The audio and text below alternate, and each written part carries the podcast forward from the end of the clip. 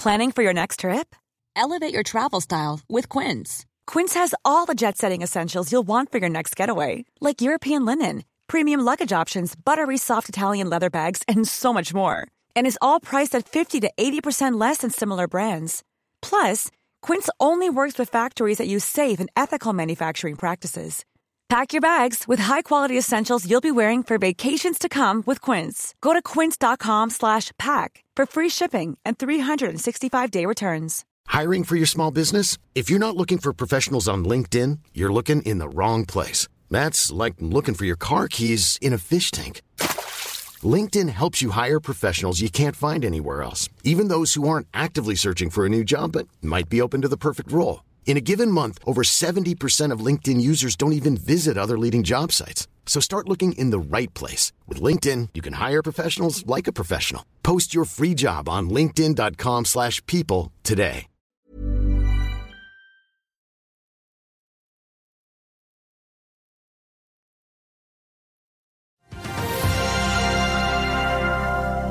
Rentespøkelset preger fremdeles aksjemarkedet, mens her hjemme prates det kanskje like mye om eh, kriseemisjoner. Det er 9. mars, og dette er Børsmorgen.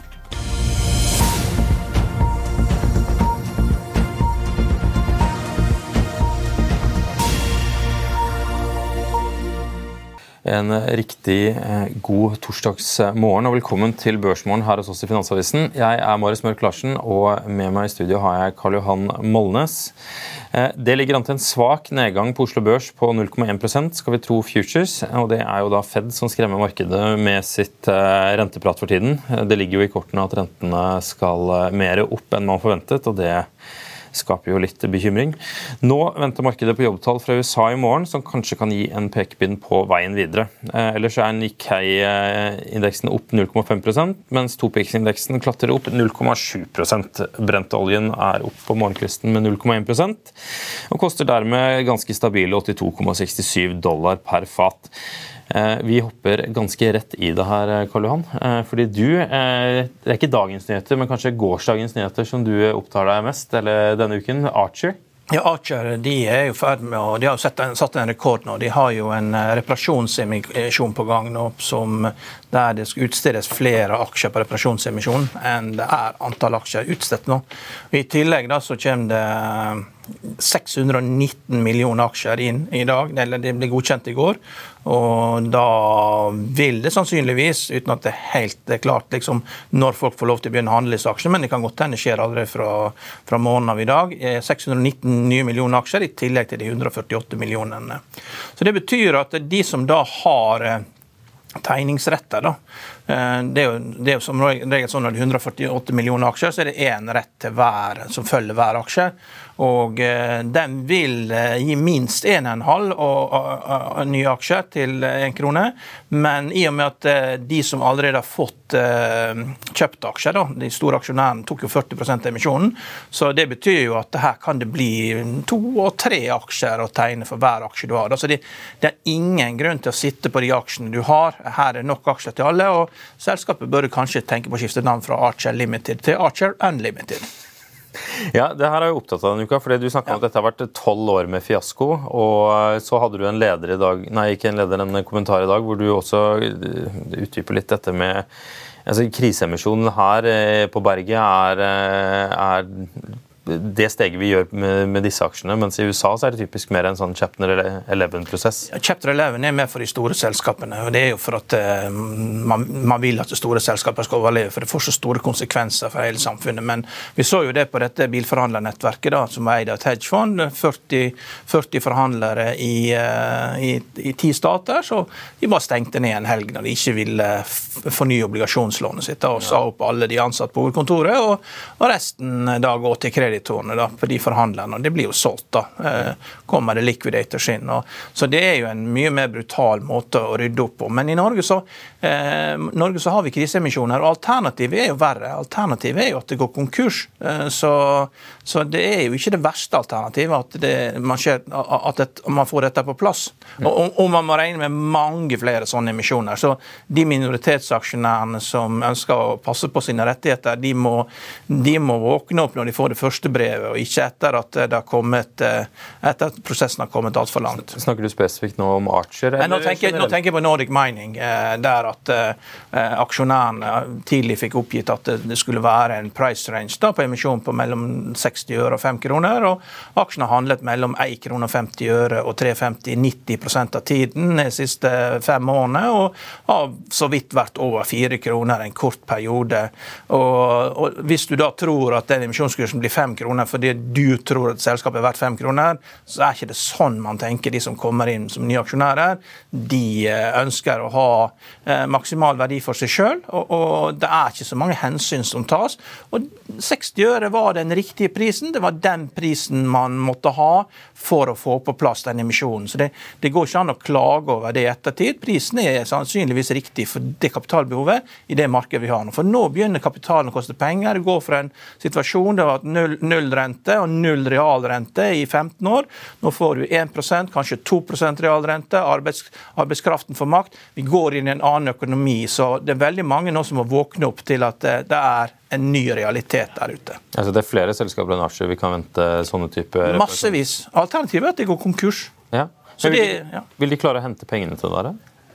Altså, ja, hvor mye penger er det der ute til å reparere sånne selskaper? Ja, men det, Penger er det nok av, men det, man må jo gjøre ting riktig. da. Og, og så må man være villig til å eh, Mange av selskapene vil jo få nye eiere.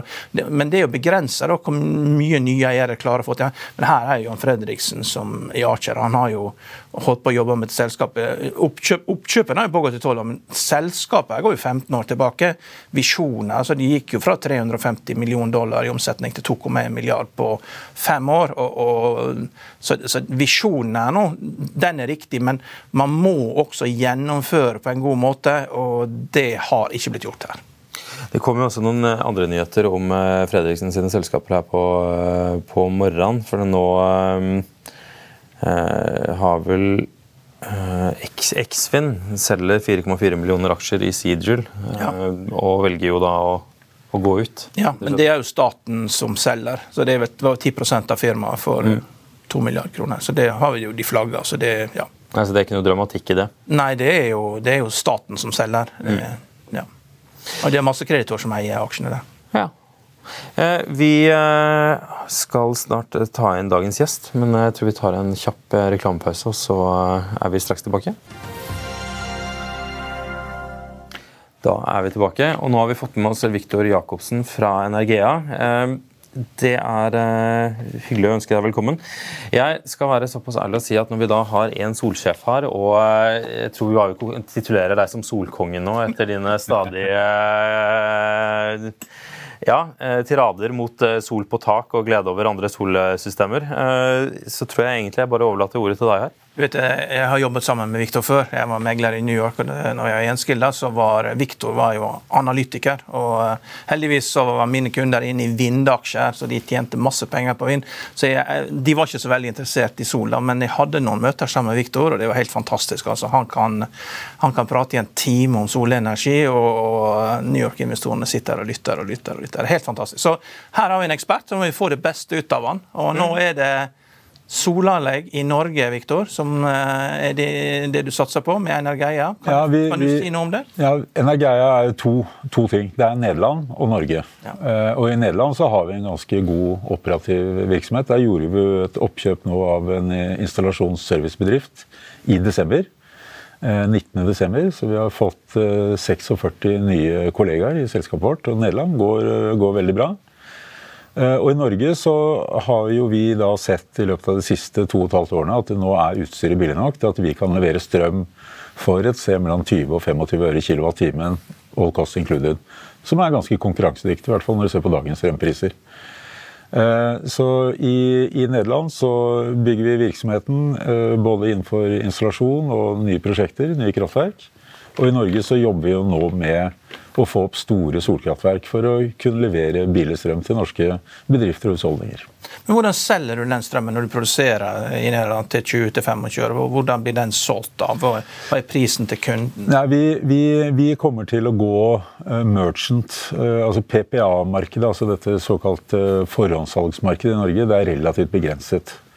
Og så har vi en type kostnadsstruktur på nettkostnadene våre som gjør at vi antagelig vil gå inn i timemarkedet. Så vi har jo nå registrert varemerker på det kraftselskapet som vi skal etablere så fort vi får begynt å produsere strøm i Norge. Og det heter Ullkraft. Så det gleder vi oss til. Mm. Men uh, hvilke hindringer er det i Norge for å komme i gang? Er det bare konsesjoner du venter på, eller er det mer? Nei, altså Konsesjonen, uh, konsesjonsbehandlingen altså Vi leverte jo våre første forhåndsmeldinger, for dette er jo relativt store kraftverk. Uh, allerede i, i 2021. vi er i dialog med mange kommuner, fordi det er jo der vi starter, med landbruksavdeling. For det, vi driver med, er jo på de prosjektene vi har nå, så er det en kombinasjon av landbruksvirksomhet og sol på samme areal. Så vi har, vi har, jo brukt mye tid på å avklare hvordan dette er i forhold til lovverket. Eh, vi har levert vår første konsesjonssøknad det gjorde vi rett før jul på dette prosjektet oppe på Gjøvik, på Sevaldskog. skog. men solenergi i denne form, det er noe nytt i Norge. Så vi har måttet jobbe med kalle alle uh, offentlige myndigheter som trenger å på en måte finne ut hvordan ser dette dyret ut. Hva, uh, hva, slags områder er det dere kikker på? Altså, nå er Det jo eh, det er jo ikke til å, til å komme unna at uh, man har snakket om disse områdene for, som egner seg for vind, men som samtidig da, altså Hele Fosen-problematikken er jo en, ja. kjempeaktuell om dagen. men jeg ser jo for meg at, at, sol er det andre geografiske områder enn vind man ser etter, kanskje? Ja, altså vi, vi Energeia vi har jo eid, kjøpt, solgt, eh, bygget, drevet solkraftverk i over ti år. Eh, Italia, Nederland, vi har jo fulgt med på dette. Det er det vi gjør til daglig. Eh, produsere strøm og selge strøm. Eh, og akkurat dette med eh, arealkonflikter, altså sol på landbruksjord og sånne ting, det er, det er ting man har sett er blitt håndtert i Tyskland, Italia, Nederland, Frankrike, England. Så vi var ganske bevisst på den problemstillingen. Samtidig driftsform. vi har et anlegg i Nederland. Der har vi samdrift. Innmarksbeite for sau sammen med sol. Og det har noe med vegetasjonskontroll og kostnader og, og det, det fungerer veldig bra. Det har man begynt å få mye erfaring med internasjonalt. Eh, sånn at i Norge så ser vi på vi, Fordi vi gjør samdrift, så har vi jo eh, vi gjør såkalt nydyrking eh, sammen med lokale landeiere. Altså, I Norge så har vi en politikk for å dyrke nytt land. Vi blir flere mennesker. Matvaresikkerhet. Og da Nydyrking er jo ofte at du tar ned den produktive skogen, og så lager du enten et, et gressproduksjon eller matproduksjon. Vi har f.eks. ett prosjekt på Østre Toten hvor jordsmonnet er sånn at vi planlegger å eh, dyrke grønnsaker eller korn sammen med sol. Så det er et veldig spennende prosjekt.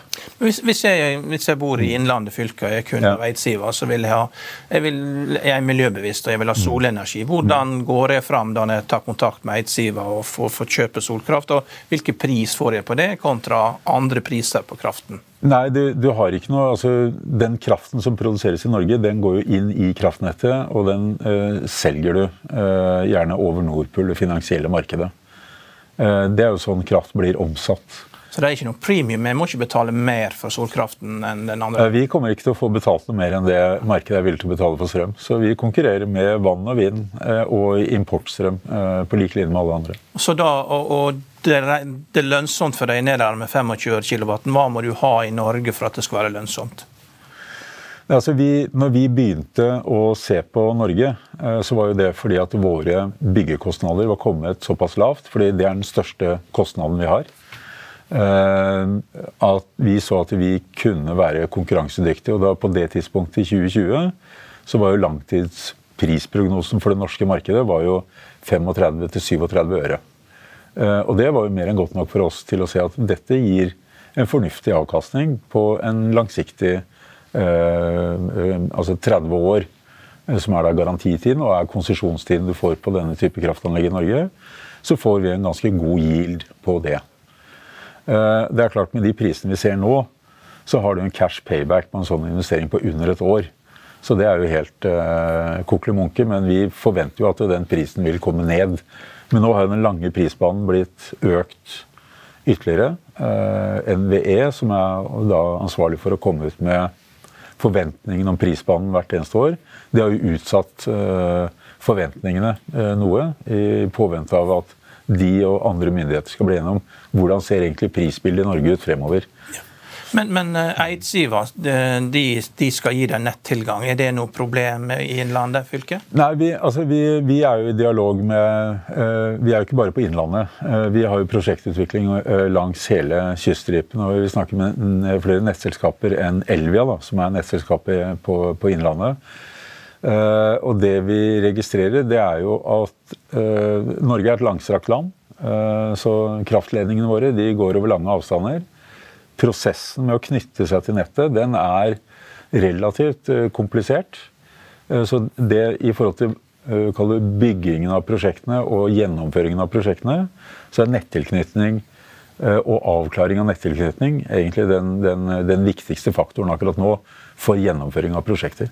Og det tar tid. Har dere løst det for de anleggene dere planlegger i Innlandet? Nei, Vi er, vi er midt oppi den, den, den prosessen nå med, med, alle prosjektene våre. Så Da inngår det en såkalt eh, utredningsavtale da, med netteier for å finne ut hva er kapasiteten. Eh, og så har vi andre nettselskaper hvor vi diskuterer, eh, hvor de kanskje har det litt enkelt og sier at det passer for oss å ha et solkraftverk der og der og der i nettet. Hvor mye skal Elvia ha betalt da, for å flytte den strømmen? Altså, det er jo ikke gratis det de gjør. Nei, du, du har to kostnader. Eh, den ene er jo selve nettilknytningen i seg selv. Og vi oppfatter jo egentlig at strukturen på norsk nettbransje er jo sånn finansielt, fordi det er naturlige monopoler, at de uh, uh, nettutbygging i Norge den er reaktiv, ikke proaktiv. Uh, og den er reaktiv fordi at den finansielle modellen for hvordan nettselskapet kan ta seg betalt, straffer de som er proaktive. Og det gjør jo at uh, den politiske ønsket om å få mer kraft inn, står litt sånn i motstrid til hvordan nettutbygging faktisk fungerer. Så der har man et sånt, eh, et strekk i laget da, mellom, eh, mellom, de som faktisk skal sørge for at det kommer mer kraft inn eh, til norske bedrifter og husholdninger, i forhold til det politiske ønsket om å elektrifisere. Så Hvor mye dyrere blir det når Elvi har fått bygd dette ut? da? Altså du, du tar 50 år, Hvor mye skal de ha per kilowatten? Oh, det, det, det, varierer litt. Grann. Hvis du ser på eh, altså Kostnaden med nettutbygging den blir jo distribuert på alle eh, produsenter og konsumenter i et nett. Eh, og så har du jo da gjerne et tap i nettet som også skal kompenseres, og det går jo på strømbiten. Så på 50 øre kilowattime da, eh, for oss så vil vi ha en nettkostnad som er antagelig størrelsesorden 4 øre kilowattimen. Det er den største kostnaden vi har. Det er ett element, men det er når du er i drift. Før du er i drift, eh, så skal du investere i nettilknytning, transformator og, og switchgear og sånne ting. I våre prosjektkalkyler så legger vi til grunn at vi har 100% av den kostnaden. Men det som er kaller regelverket, er jo at når vi skal knytte oss til nettet, eh, så har du såkalt anleggsbidrag. For i utgangspunktet så er det jo nettselskapet som skal bære hele den kostnaden. Men da har du en forhandling, økonomisk forhandling da, hvor nettselskapet gjerne vil at vi skal ta hele kostnaden. Og i våre prosjekter så regner jo vi med det. Men det er litt sånn uvant i Norge, for vanligvis så skal du bare ta 50% av kostnaden. Så det er en sånn Elvia er altså den gamle grindagutten som tar fem øre for å åpne porten for deg per kilowatt. Ja, og det er regulert av en eh, maksimalavkastning eh, som eh, kraftselskapene kan få. Og så har du en produktivitetsfaktor som gjør at hvis du som nettselskap investerer, så blir du litt straffet ved at din produktivitetsfaktor blir redusert. Så du får dårligere avkastning på kapitalen. Når eh, håper dere å være i gang med bygging? Du, det er helt avhengig av når vi får eh, konsesjon. Uh, uh, og byggingen av disse prosjektene så vil jo typisk da gjøre nydyrkingen først. Da tar du ned skogen. Det gjør du gjerne om vinteren når det er tæl i bakken. Eh, vi kan bygge et solkraftverk i én barmarkssesong, altså selv på Sevaldskog, hvor vi ser for oss kanskje opptil 75-100 megawatt. Eh, så kan vi gjøre det på én barmarkssesong. Så hvis vi får konsesjon før året er omme, eh, og at det ikke er for kort tid, for vi skal inn da forhandle med alle leverandører av utstyr, priser, gjøre final design og sånne ting, så kan vi sette i gang bygging av dette til neste år.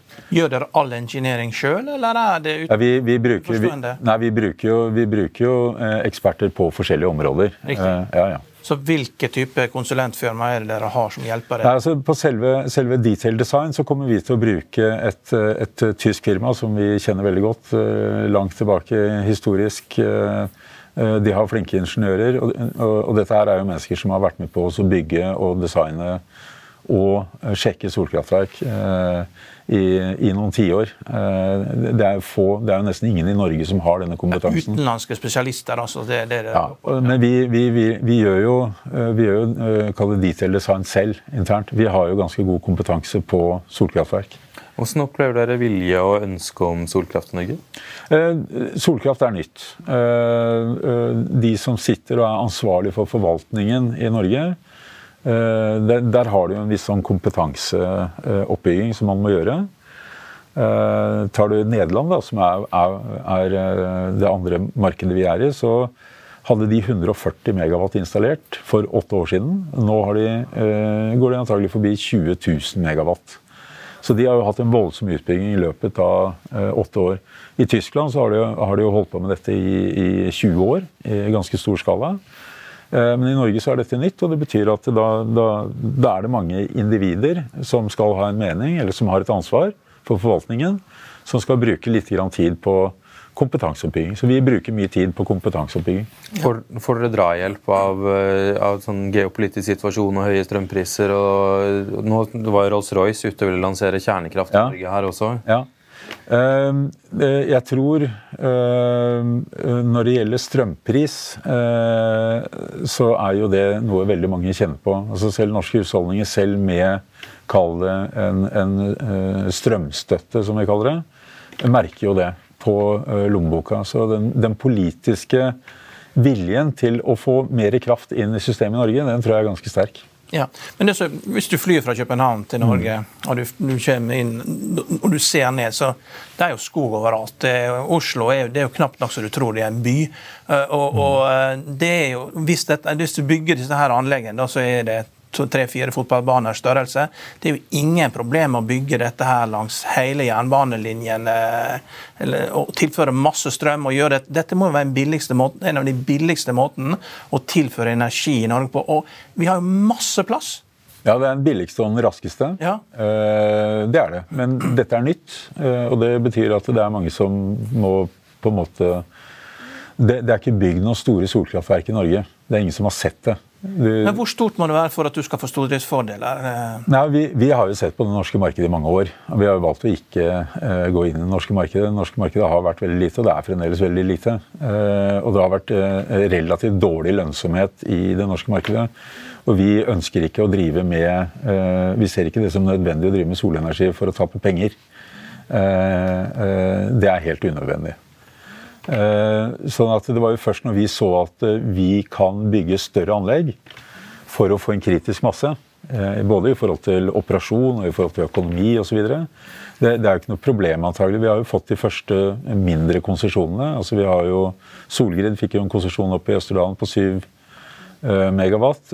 Vi har et lite anlegg i Sarpsborg på 1 megawatt. Men du kan ikke bygge en organisasjon på sånne småprosjekter. Det er derfor vi har startet da litt med litt større prosjekter. Du har jo eh, markert en viss skepsis til å bygge sol på husholdningstak. Men er dette, altså denne type solparker er det noe du har kanskje mer tro på? Ja, altså Folk kommer jo og forteller meg at de får anbud, og det er 2,85 kroner og det er 3,35 per mm. kilowatt. Og Da Eh, hvorfor skal man gå for det, og, eh, når man kan få det for 50 øre pluss en nettavgift på 4 øre? Eh, og, Det mangler jo ikke plass. altså Dette er jo ikke Tokyo. Her er jo så mye skog å ta av at vi vet jo ikke, vi vet jo ikke om det engang. Vi tror jo det, vi, folk tror jo at Oslo er et sånn urbant senter, at vi kan begynne å samle med Tokyo. Det er jo ikke det. Det er midt ute i ødemarka. Utenlandske, amerikanske ambassadeansatte har jo ødemarkstillegg for å bo her det er jo, Med en gang det kommer litt snø, så er jo komplett trafikkaos her. Vi kan ikke begynne med atomkraftverk og sånn her i landet og ikke klare engang å få togene til å gå i rute. Så vi må jo satse på ting som er enkle. Og sol liksom i rett ved der folk bor, langs skogen. Det er masse skog å ta av. Og hvis du kan få litt sau og sånn, så vil en kortreist fårikål til bybefolkningen i Oslo. Det er jo fantastisk. Vi har 120 000 kvadratkilometer med skog i Norge. Ja. Uh, av det så er vel ca. 80 000 kvadratkilometer produktiv skog. Altså den blir hugd eh, en eller annen gang mellom hvert 50 og 100 år. Vi tar ned ca. 500 kvadratkilometer med skog hvert år. Uh, så det er, det er, helt vanlig skogdrift. Det er det man driver med i landbruket. Vi dyrker opp, nydyrker rundt 11 000-12 000 dekar med ny dyrka mark. Vi blir flere folk. Uh, krigen i Ukraina uh, gjorde jo dette med Har vi nok fôrproduksjon uh, til våre egne husdyr? I dag så kjøper vi masse soya fra Brasil. Altså vi tar ned regnskogen for å dyrke fôr til norske husdyr. Så vi tenker at det, de prosjektene vi jobber med, som er en kombinasjon med fôrproduksjon eller matproduksjon sammen med sol, er meningsfylt i en norsk virkelighet. Har du noe du vil legge til? Nei, det er eh, Men dette her er jo liksom det, det er jo for lett. vet du. Vi liker jo ikke å gjøre ting som er lett og billig. Vi er jo litt sånn som russerne. Er ikke det dyrt, så er ikke det gøy. For da det må liksom bruke masse konsulenter og være ti ganger så dyrt som det bør være. og Da, da, da syns jeg bruke masse penger, det er vi veldig gode på. Og så gjerne at det ikke virker etterpå. Det er jo enda bedre. Får enda mer å gjøre. Men dette her er lett, enkelt, kortreist energi kombinert med sauer som går under, kortreist fårikål. Det er bare å sette i gang, altså. Øyt Jacobsen, tusen takk for at du kom i studio. Takk for at jeg fikk komme. Hiring for your small business? If you're not looking for professionals on LinkedIn, you're looking in the wrong place. That's like looking for your car keys in a fish tank. LinkedIn helps you hire professionals you can't find anywhere else, even those who aren't actively searching for a new job but might be open to the perfect role. In a given month, over 70% of LinkedIn users don't even visit other leading job sites. So start looking in the right place. With LinkedIn, you can hire professionals like a professional. Post your free job on linkedin.com slash people today. I'll see you in court. Vi sier det ofte litt på spøk, men for deg som driver business, er det aldri moro å innse at du ikke har laget en 100% gyldig kontrakt. Du bør ikke risikere hele firmaet ditt fordi du synes dette med kontrakter er litt stress. En avtale er ikke en avtale. Du kan miste kunder, miste venner, ja, til og med miste inntekter om du ikke lager en skikkelig kontrakt, på alt mulig, egentlig. Men vi vet det er et styr. Kopimaskiner, tregprinter og haugevis av papir. Dessuten stoler vi jo på folk her i landet. Det er ofte litt kleint å skulle be om en signatur for alt mulig, ja, for mye av styret handler også om jakten på underskriften. Det finnes en enkel måte å løse dette på, Dukkobit, en trygg, effektiv og get this, gratis måte å sikre seg en god natts søvn pluss en juridisk bindende avtale. Dukkobit-appen har de strengeste sikkerhetskrav i bunn, samt en EU-godkjent og sertifisert teknologi. Framover vil det bli behagelig å spørre du, skal vi skrive under på det, eller? Kom i gang på dukkobit.no. Ja, det er ikke bare i Norge det er uh, politiske diskusjoner. I USA så har uh, Joe Biden vært ute og lansert et nytt skatteforslag som uh, Jeg tror vi bare oppsummerer det med 'eat the rich', eller hva? Ja, men det, det, er veldig trygt for han å lansere det her etter at republikanerne fikk flertall i Kongressen. Det, så Han vet jo at dette ikke går gjennom, da. Men det er jo starten på en diskusjon. men det er klart å liksom, løfte skattene opp igjen til det nivået det var før Trump, liksom, og doble capital gains tax og ja, ja, det, det, er masse sånne ting. Du, du vet det ikke går igjennom. Da, men det er en starten på en diskusjon der eh, man må gå gjennom finansene. og Det må jo alle land gjøre. og eh, USA har nok, eh, nok skatt fra selskapsbeskatning, det er nok skatt fra lønnsbeskatning. Men det er én ting USA ikke har, og det er eh, moms over hele landet. Og det er jo en skatt som eh, til, og med, altså, til, og med, rike syns jo det er helt greit å betale, betale moms. Uh, fordi at det, det, føles rettferdig at det er moms på forbruket. Da. Men det er det ingen som diskuterer. Men til slutt, da, hvis du virkelig skal balansere ting ut, uh, så kan det hende det er det de vil måtte ty til. For det er, uh, det er det som har løst problemene for andre land, da man balanserer bøkene. Og det kan hende det kommer i USA også. For alle de andre forslagene med å øke pensjonsalder og sånne ting, eh, det har ikke så stor effekt. Men Du mente at dette var et på en måte ufarlig forslag, men samtidig så, så nevnte du også at dette likevel vil kunne slå ut interessant på børsen? Ja, det, det slår ut interessant på børsen. for at er det noen som driver folk, så er jo det frykten for å betale skatter. Det, så det er en del folk vil nok eh, selge aksjene, da, for de misforstår dette. Så, så, så for, du kan jo si at det er sånn at det, det er jo ofte sånn at folk, folk, som driver på med egne selskap, har litt for stor tro på det de sjøl holder på med. da. Og du kan jo ta sånn hun Elisabeth Holmes, da, som drev Terranus. Hun visste jo at hun drev med bløff, og likevel solgte hun ikke en eneste aksje.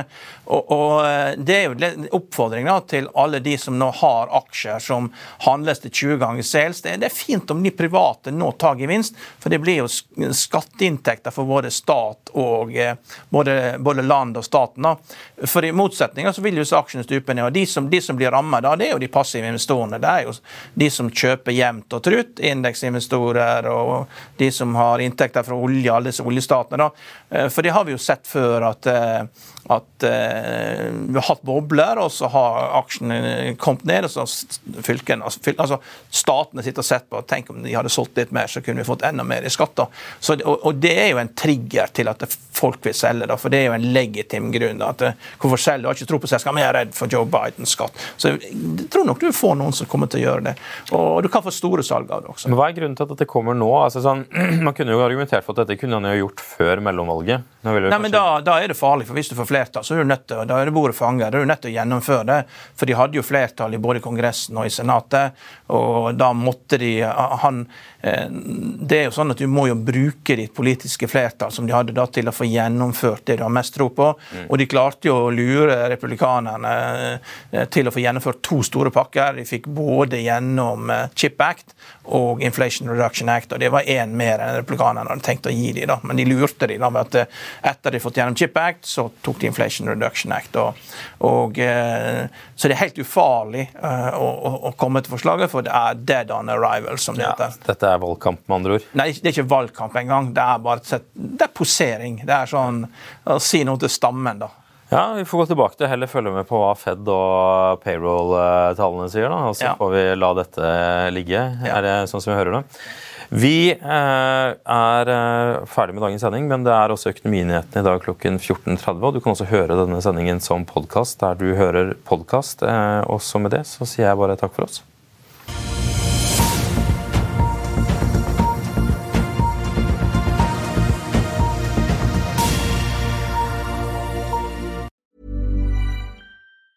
Hey, it's Danny Pellegrino from Everything Iconic. Ready to upgrade your style game without blowing your budget? Check out Quince. They've got all the good stuff shirts and polos, activewear, and fine leather goods, all at 50 to 80% less than other high end brands. And the best part? They're all about safe, ethical, and responsible manufacturing. Get that luxury vibe without the luxury price tag. Hit up quince.com slash upgrade for free shipping and 365 day returns on your next order. That's quince.com slash upgrade. Økonominyhetene er en podkast fra Finansavisen. Programledere er Marius Lorentzen, Stein Ove Haugen og Benedikte Storm Bamvik. Produsenter er Lars Brenden Skram og Bashar Johar. Og ansvarlig redaktør er Trygve Hegnar.